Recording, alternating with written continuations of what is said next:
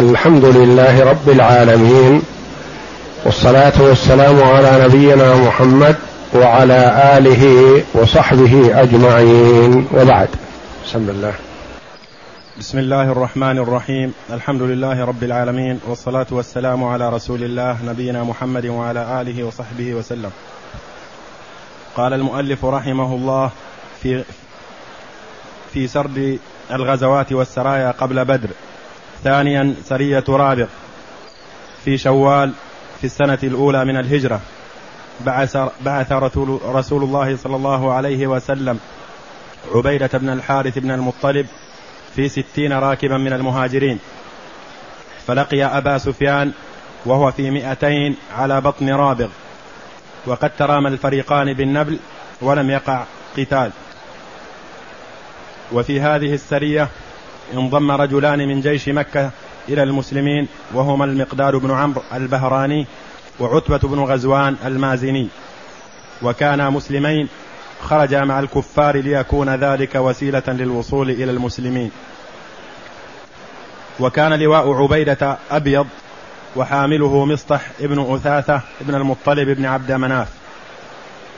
ثالثا قول المؤلف رحمه الله ثانيا في ترتيب السرايا والغزوات.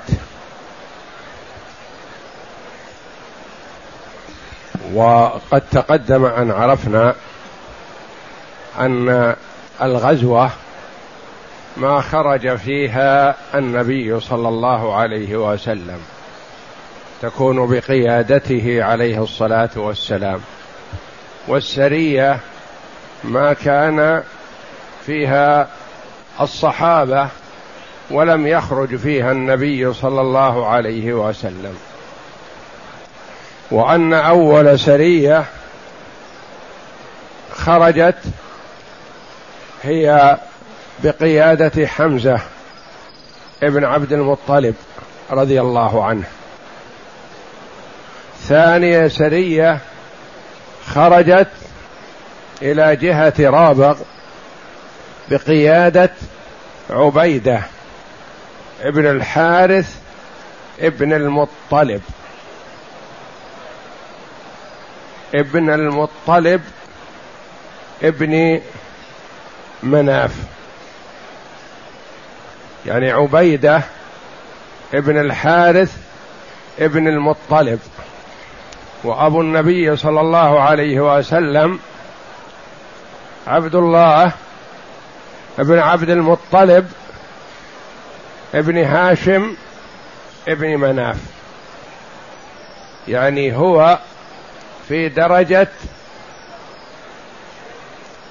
ابي النبي صلى الله عليه وسلم إلى جدهم مناف. عبيدة ابن الحارث ابن المطلب ابن مناف.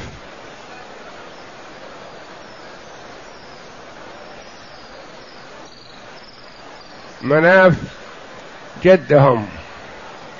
المطلب أخو هاشم.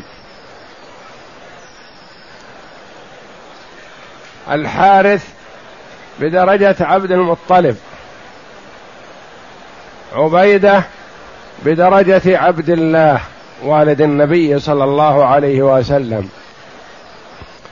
وهو من السابقين إلى الإسلام رضي الله عنه وأرضاه. وممن أصيب بجراحة في موقعة بدر الكبرى وتوفي بعد هذه الجراحة رضي الله عنه وأرضاه. وهو من بني المطلب وليس من بني عبد المطلب. المطلب عم لعبد المطلب جد النبي صلى الله عليه وسلم. وبنو المطلب ما فارقوا النبي صلى الله عليه وسلم وبني هاشم لا في جاهلية ولا في إسلام. حتى كافرهم دخل مع النبي صلى الله عليه وسلم في شعب أبي طالب. لما حاصرهم وكفار قريش وآذوهم أووا إلى شعب أبي طالب. ومنهم كفار من بني المطلب. ولذا جعل النبي صلى الله عليه وسلم لبني المطلب من الخمس مثل ما لبني هاشم. هاشم والمطلب أخوان ولهم إخوة آخرون لكن المطلب ما فارق بنو المطلب ما فارقوا بني هاشم لا في جاهلية ولا في إسلام. فجعلهم النبي صلى الله عليه وسلم معهم لهم نصيب في الخمس ولا يأخذون الزكاة.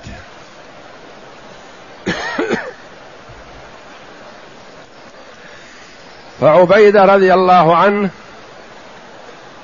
بعثه النبي صلى الله عليه وسلم في ستين راكبا.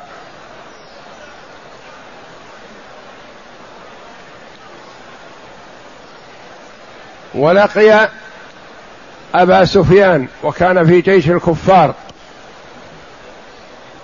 وأبو سفيان في مائتين راكب وهؤلاء ستون وحصل بينهم تراشق وترامي بالنبل ولم يحصل معركة ولا حصل فيها غنيمة ولا حصل فيها خسارة على المسلمين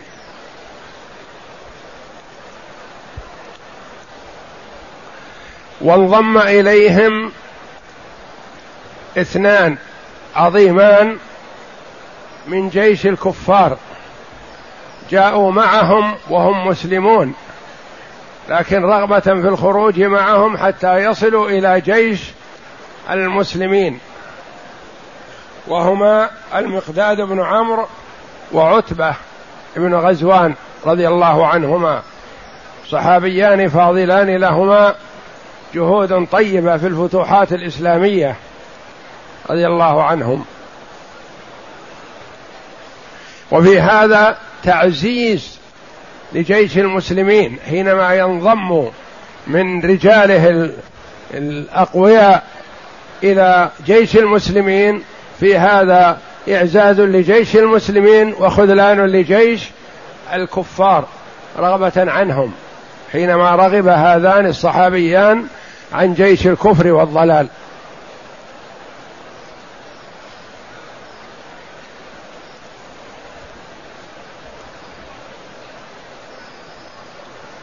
وقائد السرية في هذه المرة التي توجهت إلى جهة رابغ هو عبيدة ابن الحارث ابن المطلب. رضي الله عنه. وهو أحد الثلاثة الذين بارزوا ثلاثة من الكفار في موقعة بدر. وكان في هذا إدخال السرور والفرح على المسلمين لما انتصر ثلاثتهم وفيها خذلان لجيش الكفر والضلال لما قتل ثلاثتهم الذين خرجوا للمبارزة. نعم. هذه سرية رابغ هي اللواء الثاني الذي عقده النبي صلى الله عليه وسلم بعد وصوله إلى المدينة. اللواء الأول كان بقيادة حمزة بن عبد المطلب. رضي الله عنه عم النبي صلى الله عليه وسلم أسد الله وسيد الشهداء رضي الله عنه وأرضاه. والسرية الثانية بقيادة عبيدة ابن الحارث. نعم. ثالثا. ثالثا سرية الخرار في ذي القعدة من السنة الأولى من الهجرة. بعث رسول الله صلى الله عليه وسلم. تقاربها. سرية حمزة في رمضان. وسرية عبيدة في شوال.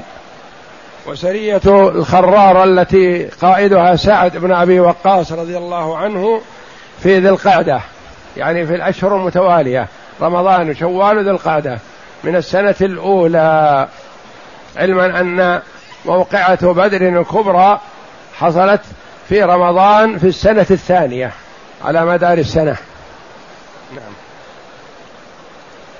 في ذي القعدة بعث رسول الله صلى الله عليه وسلم سعد بن أبي وقاص في عشرين راكبا يعترضون عيرا لقريش وعهد إليه ألا يجاوز الخرار فخرجوا مشاة يكمنون بالنهار ويسيرون بالليل حتى بلغوا الخرار صبيحة خمس فوجدوا العير قد مرت بالأمس. كان هذه السرية خرجت بقيادة سعد بن أبي وقاص رضي الله عنه أحد العشرة المبشرين بالجنة.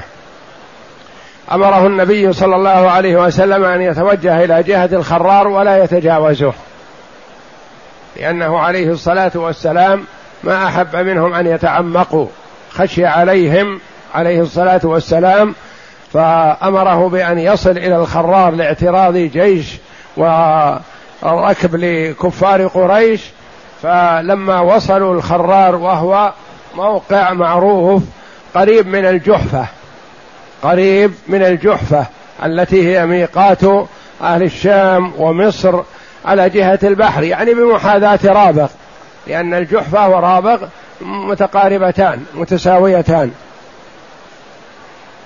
أمره النبي صلى الله عليه وسلم أن يعترض كفار قريش إلى الخرار فإن وجدهم فبها وإلا فلا يتجاوز. فوجدوا فلما وصلوا إلى الخرار وجدوا الجي الجيش الكفار قد تجاوز ذلك المكان مر به من جنس أمس وتجاوزه فرجعوا رضي الله عنهم. نعم. سرية الخرار. ثالثا سرية الخرار في ذي القعدة من السنة الأولى من الهجرة. بعث رسول الله صلى الله عليه وسلم سعد بن أبي وقاص في عشرين راكبا يعترضون عيرا لقريش وعهد إليه ألا يجاوز الخرار فخرجوا مشاة يكمنون بالنهار ويسيرون بالليل.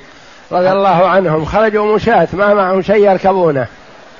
وفي النهار يختفون وفي الليل يسيرون. رضي الله عنهم. وتحملوا الكلفة والمشقة رضي الله عنهم في ذات الله. حتى فخرجوا فخرجوا مشاة يكمنون بالنهار ويسيرون بالليل حتى بلغوا الخرار صبيحة خمس فوجدوا العير قد مرت بالأمس. كان لواء سعد رضي الله عنه أبيض وحمله المقداد بن عمرو. المقداد بن عمرو هو الذي جاء قريبا من كفار قريش لأنه كان قائد رضي الله عنه وأرضاه وله نشاط.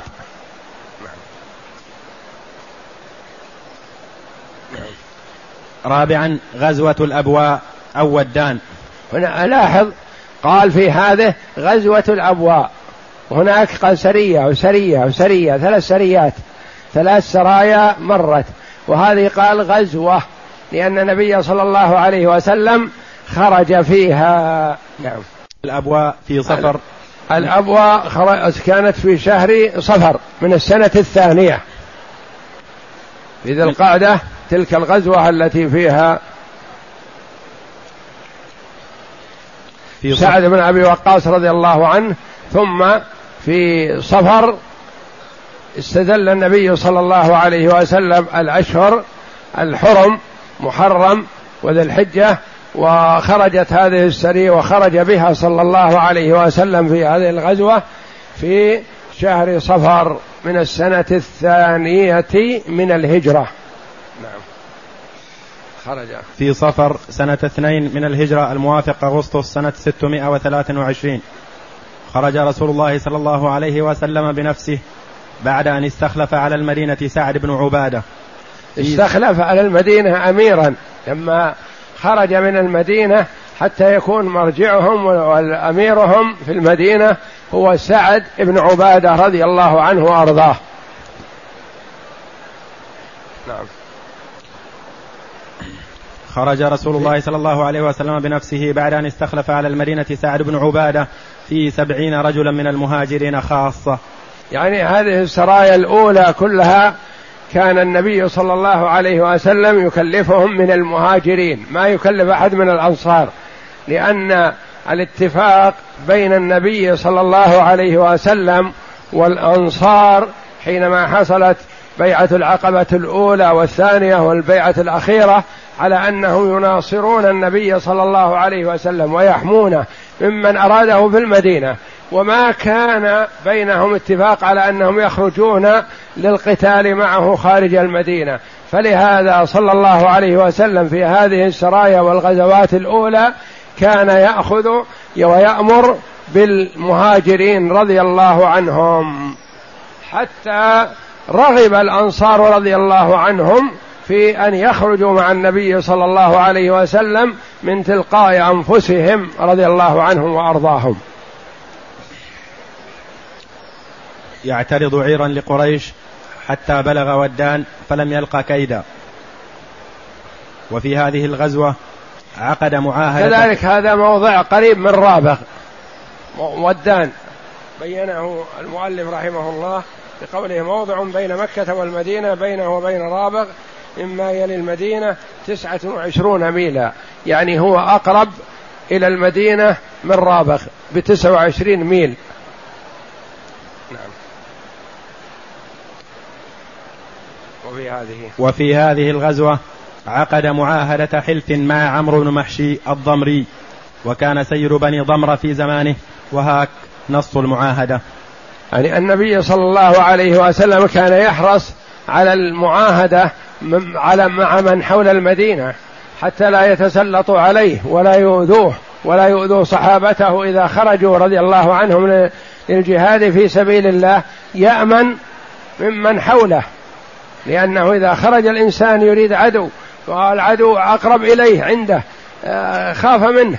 فالنبي صلى الله عليه وسلم عاهد هذا الأمير بني آه، ضمرة الذي هو عمرو بن مخشي الضمري. كان كبير بني ضمرة وهم سكانهم حول المدينة. فعاهده صلى الله عليه وسلم على أن يكون بينهما مناصرة ولا يؤذي أحدهم الآخر. ويكون هؤلاء آمنون من أن تمتد إليهم يد من الصحابة رضي الله عنهم كما أن الصحابة آمنون بأن تمتد إليهم يد جائرة منهم. نعم. نص المعاهدة. هذا كتاب من محمد رسول الله لبني ضمرة. فإنهم آمنون على أموالهم وأنفسهم وأن وإن لهم النصر على من رامهم إلا أن يحاربوا دين الله. يعني الرسول صلى الله عليه وسلم قال لهم علينا المناصرة لو جاءهم عدو من خارج نناصرهم إلا إن صار منهم محاربة لدين الله فلا. يعني لو حاربوا أحدا من المسلمين ما نحارب معهم وإنما نحارب معهم مع من ناوأهم وأرادهم بشر من غير المسلمين. أما إذا كان منهم محاربة للمسلمين فلا. ما بل بحر صوفة وإن النبي صلى الله عليه وسلم, وسلم إذا دعاهم لنصره أجابوه. يعني أنه إذا طلب منهم المناصرة ما يتوقفون. إذا تسلط على المسلمين عدو وطلب النبي صلى الله عليه وسلم بني ضمره المناصرة أنهم ما يتوقفون.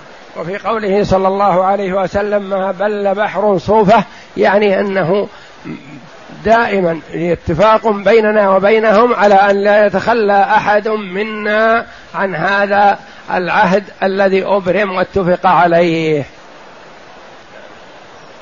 وهذه أول غزوة غزاها رسول الله صلى الله عليه وسلم. وكانت غيبته خمسة عشر ليلة. وكان اللواء أبيض وحامله حمزة بن عبد المطلب. حامل لواء النبي صلى الله عليه وسلم في هذه الغزوة عمه حمزة بن عبد المطلب رضي الله عنه وأرضاه. وغيبته صلى الله عليه وسلم فيها خمس عشرة ليلة. وجعل على المدينة سعد بن عبادة رضي الله عنه. خامسا غزوة بواط. غزوة بواط. هذه غزوة أخرى خرج فيها النبي صلى الله عليه وسلم. في شهر ربيع الأول من السنة الثانية للهجرة الموافق لسبتمبر سنة تلك في صفر وهذه في ربيع الأول. يعني رجع ثم استعد للغزوة الثانية صلوات الله وسلامه عليه. خرج رسول الله صلى الله عليه وسلم في مئتين من أصحابه يعترض عيرا لقريش فيها أمية بن خلف الجمحي ومائة رجل من قريش وألفان وخمسمائة بعير فبلغ بواطا من ناحية رضوى ولم يلق كيدا. ما توافق هو يا أعداء هؤلاء. خرج إليهم فما توافق وإياهم. واستخلف في هذه الغزوة على المدينة سعد بن معاذ. سعد بن معاذ. ما كان عليه الصلاة والسلام يستخلف واحد دائما. وإنما في كل غزوة يستخلف عليها واحد من خيار الصحابة رضي الله عنهم وكلهم خيار. وكان لواؤه أبيض وحامله سعد بن أبي وقاص رضي الله عنه. سادسا غزوة صفوان في شهر ربيع الأول سنة اثنين من الهجرة. أغار كرز, كرز بن جابر الفهري في قوات خفيفة يعني غزوة بواط وغزوة صفوان في شهر واحد عليه الصلاة والسلام. خرج في غزوتين في شهر واحد.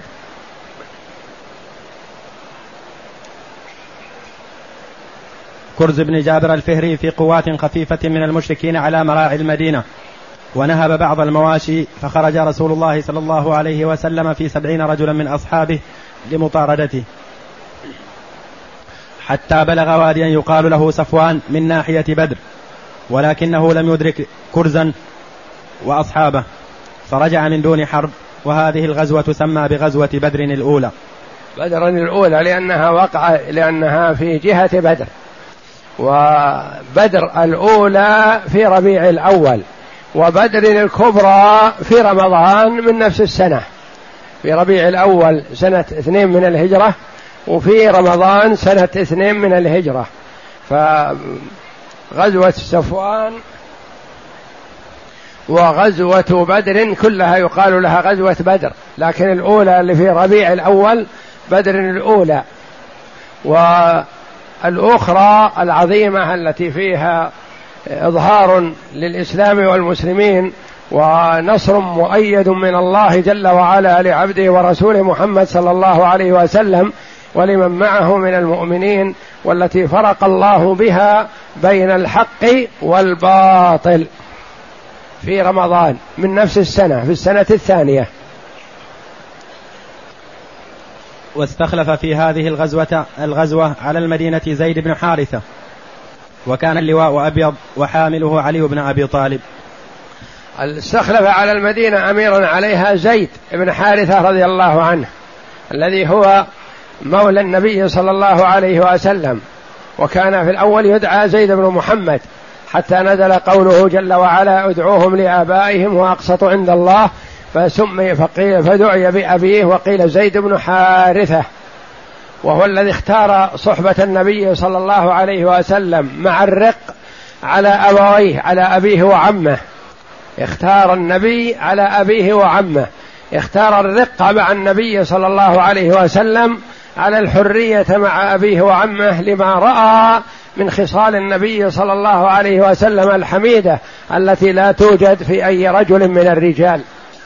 وكان ذلك قبل البعثة. فكافأه النبي صلى الله عليه وسلم على هذا الاختيار بأن نسبه إليه وتبناه. فصار يدعى زيد بن محمد.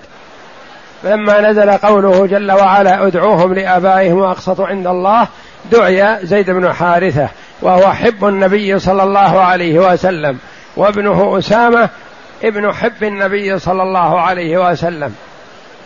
وكان عمر رضي الله عنه يفضل أسامة بن زيد بن حارثة على عبد الله بن عمر. وكان عبد الله بن عمر أكبر منه وأسن منه وهاجر من المهاجرين الأولين. و فقيل له لما تفضل أسامة بن زيد على ابنك عبد الله بن عمر وابنك أكبر منه وأقدم منه هجرة وذكر أمورا. قال نعم لأن أسامة أحب إلى رسول الله صلى الله عليه وسلم من عبد الله. ووالده والد أسامة أحب إلى رسول الله صلى الله عليه وسلم من عمر. فهو يفضل حب رسول الله صلى الله عليه وسلم على نفسه وعلى ولده رضي الله عنه. فهو ممن لا تأخذه في الله لومة لائم رضي الله عنه. يفضل ما فضله النبي صلى الله عليه وسلم وأحبه. سابعا غزوة ذي العشيرة في جماد الأولى وجماد الآخرة سنة اثنين من الهجرة. في جماد الأولى يعني الأولى في ربيع الأولى وهذه في جماد الأولى بينهما شهر نعم. خرج رسول الله صلى الله عليه وسلم في خمسين ومائة ويقال في مئتين من المهاجرين ولم يكره أحدا على الخروج وخرجوا على ثلاثين بعيرا يعتقبونها. انظر خمسين ومائة وقيل مئتين ما معهم إلا ثلاثين بعير. يتعاقبونها. يعني الخمسة والستة يعتقبهم بعير رضي الله عنهم مع النبي صلى الله عليه وسلم.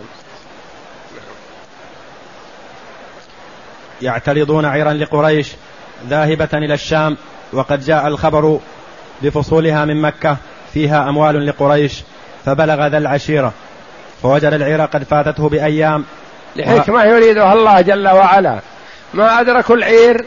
لكن أدركوها والحمد لله يعني كانت سببا لوقعة بدر الكبرى. هذه هي لأنها نفس العير هذه التي اعترضها النبي صلى الله عليه وسلم في هذه الغزوة وأفلتت وراحت للشام. هي نفسها لما رجعت من الشام أراد اعتراضها في غزوة بدر الكبرى فحصل الفرقان بين الحق والباطل. بالنصر المؤيد من الله جل وعلا.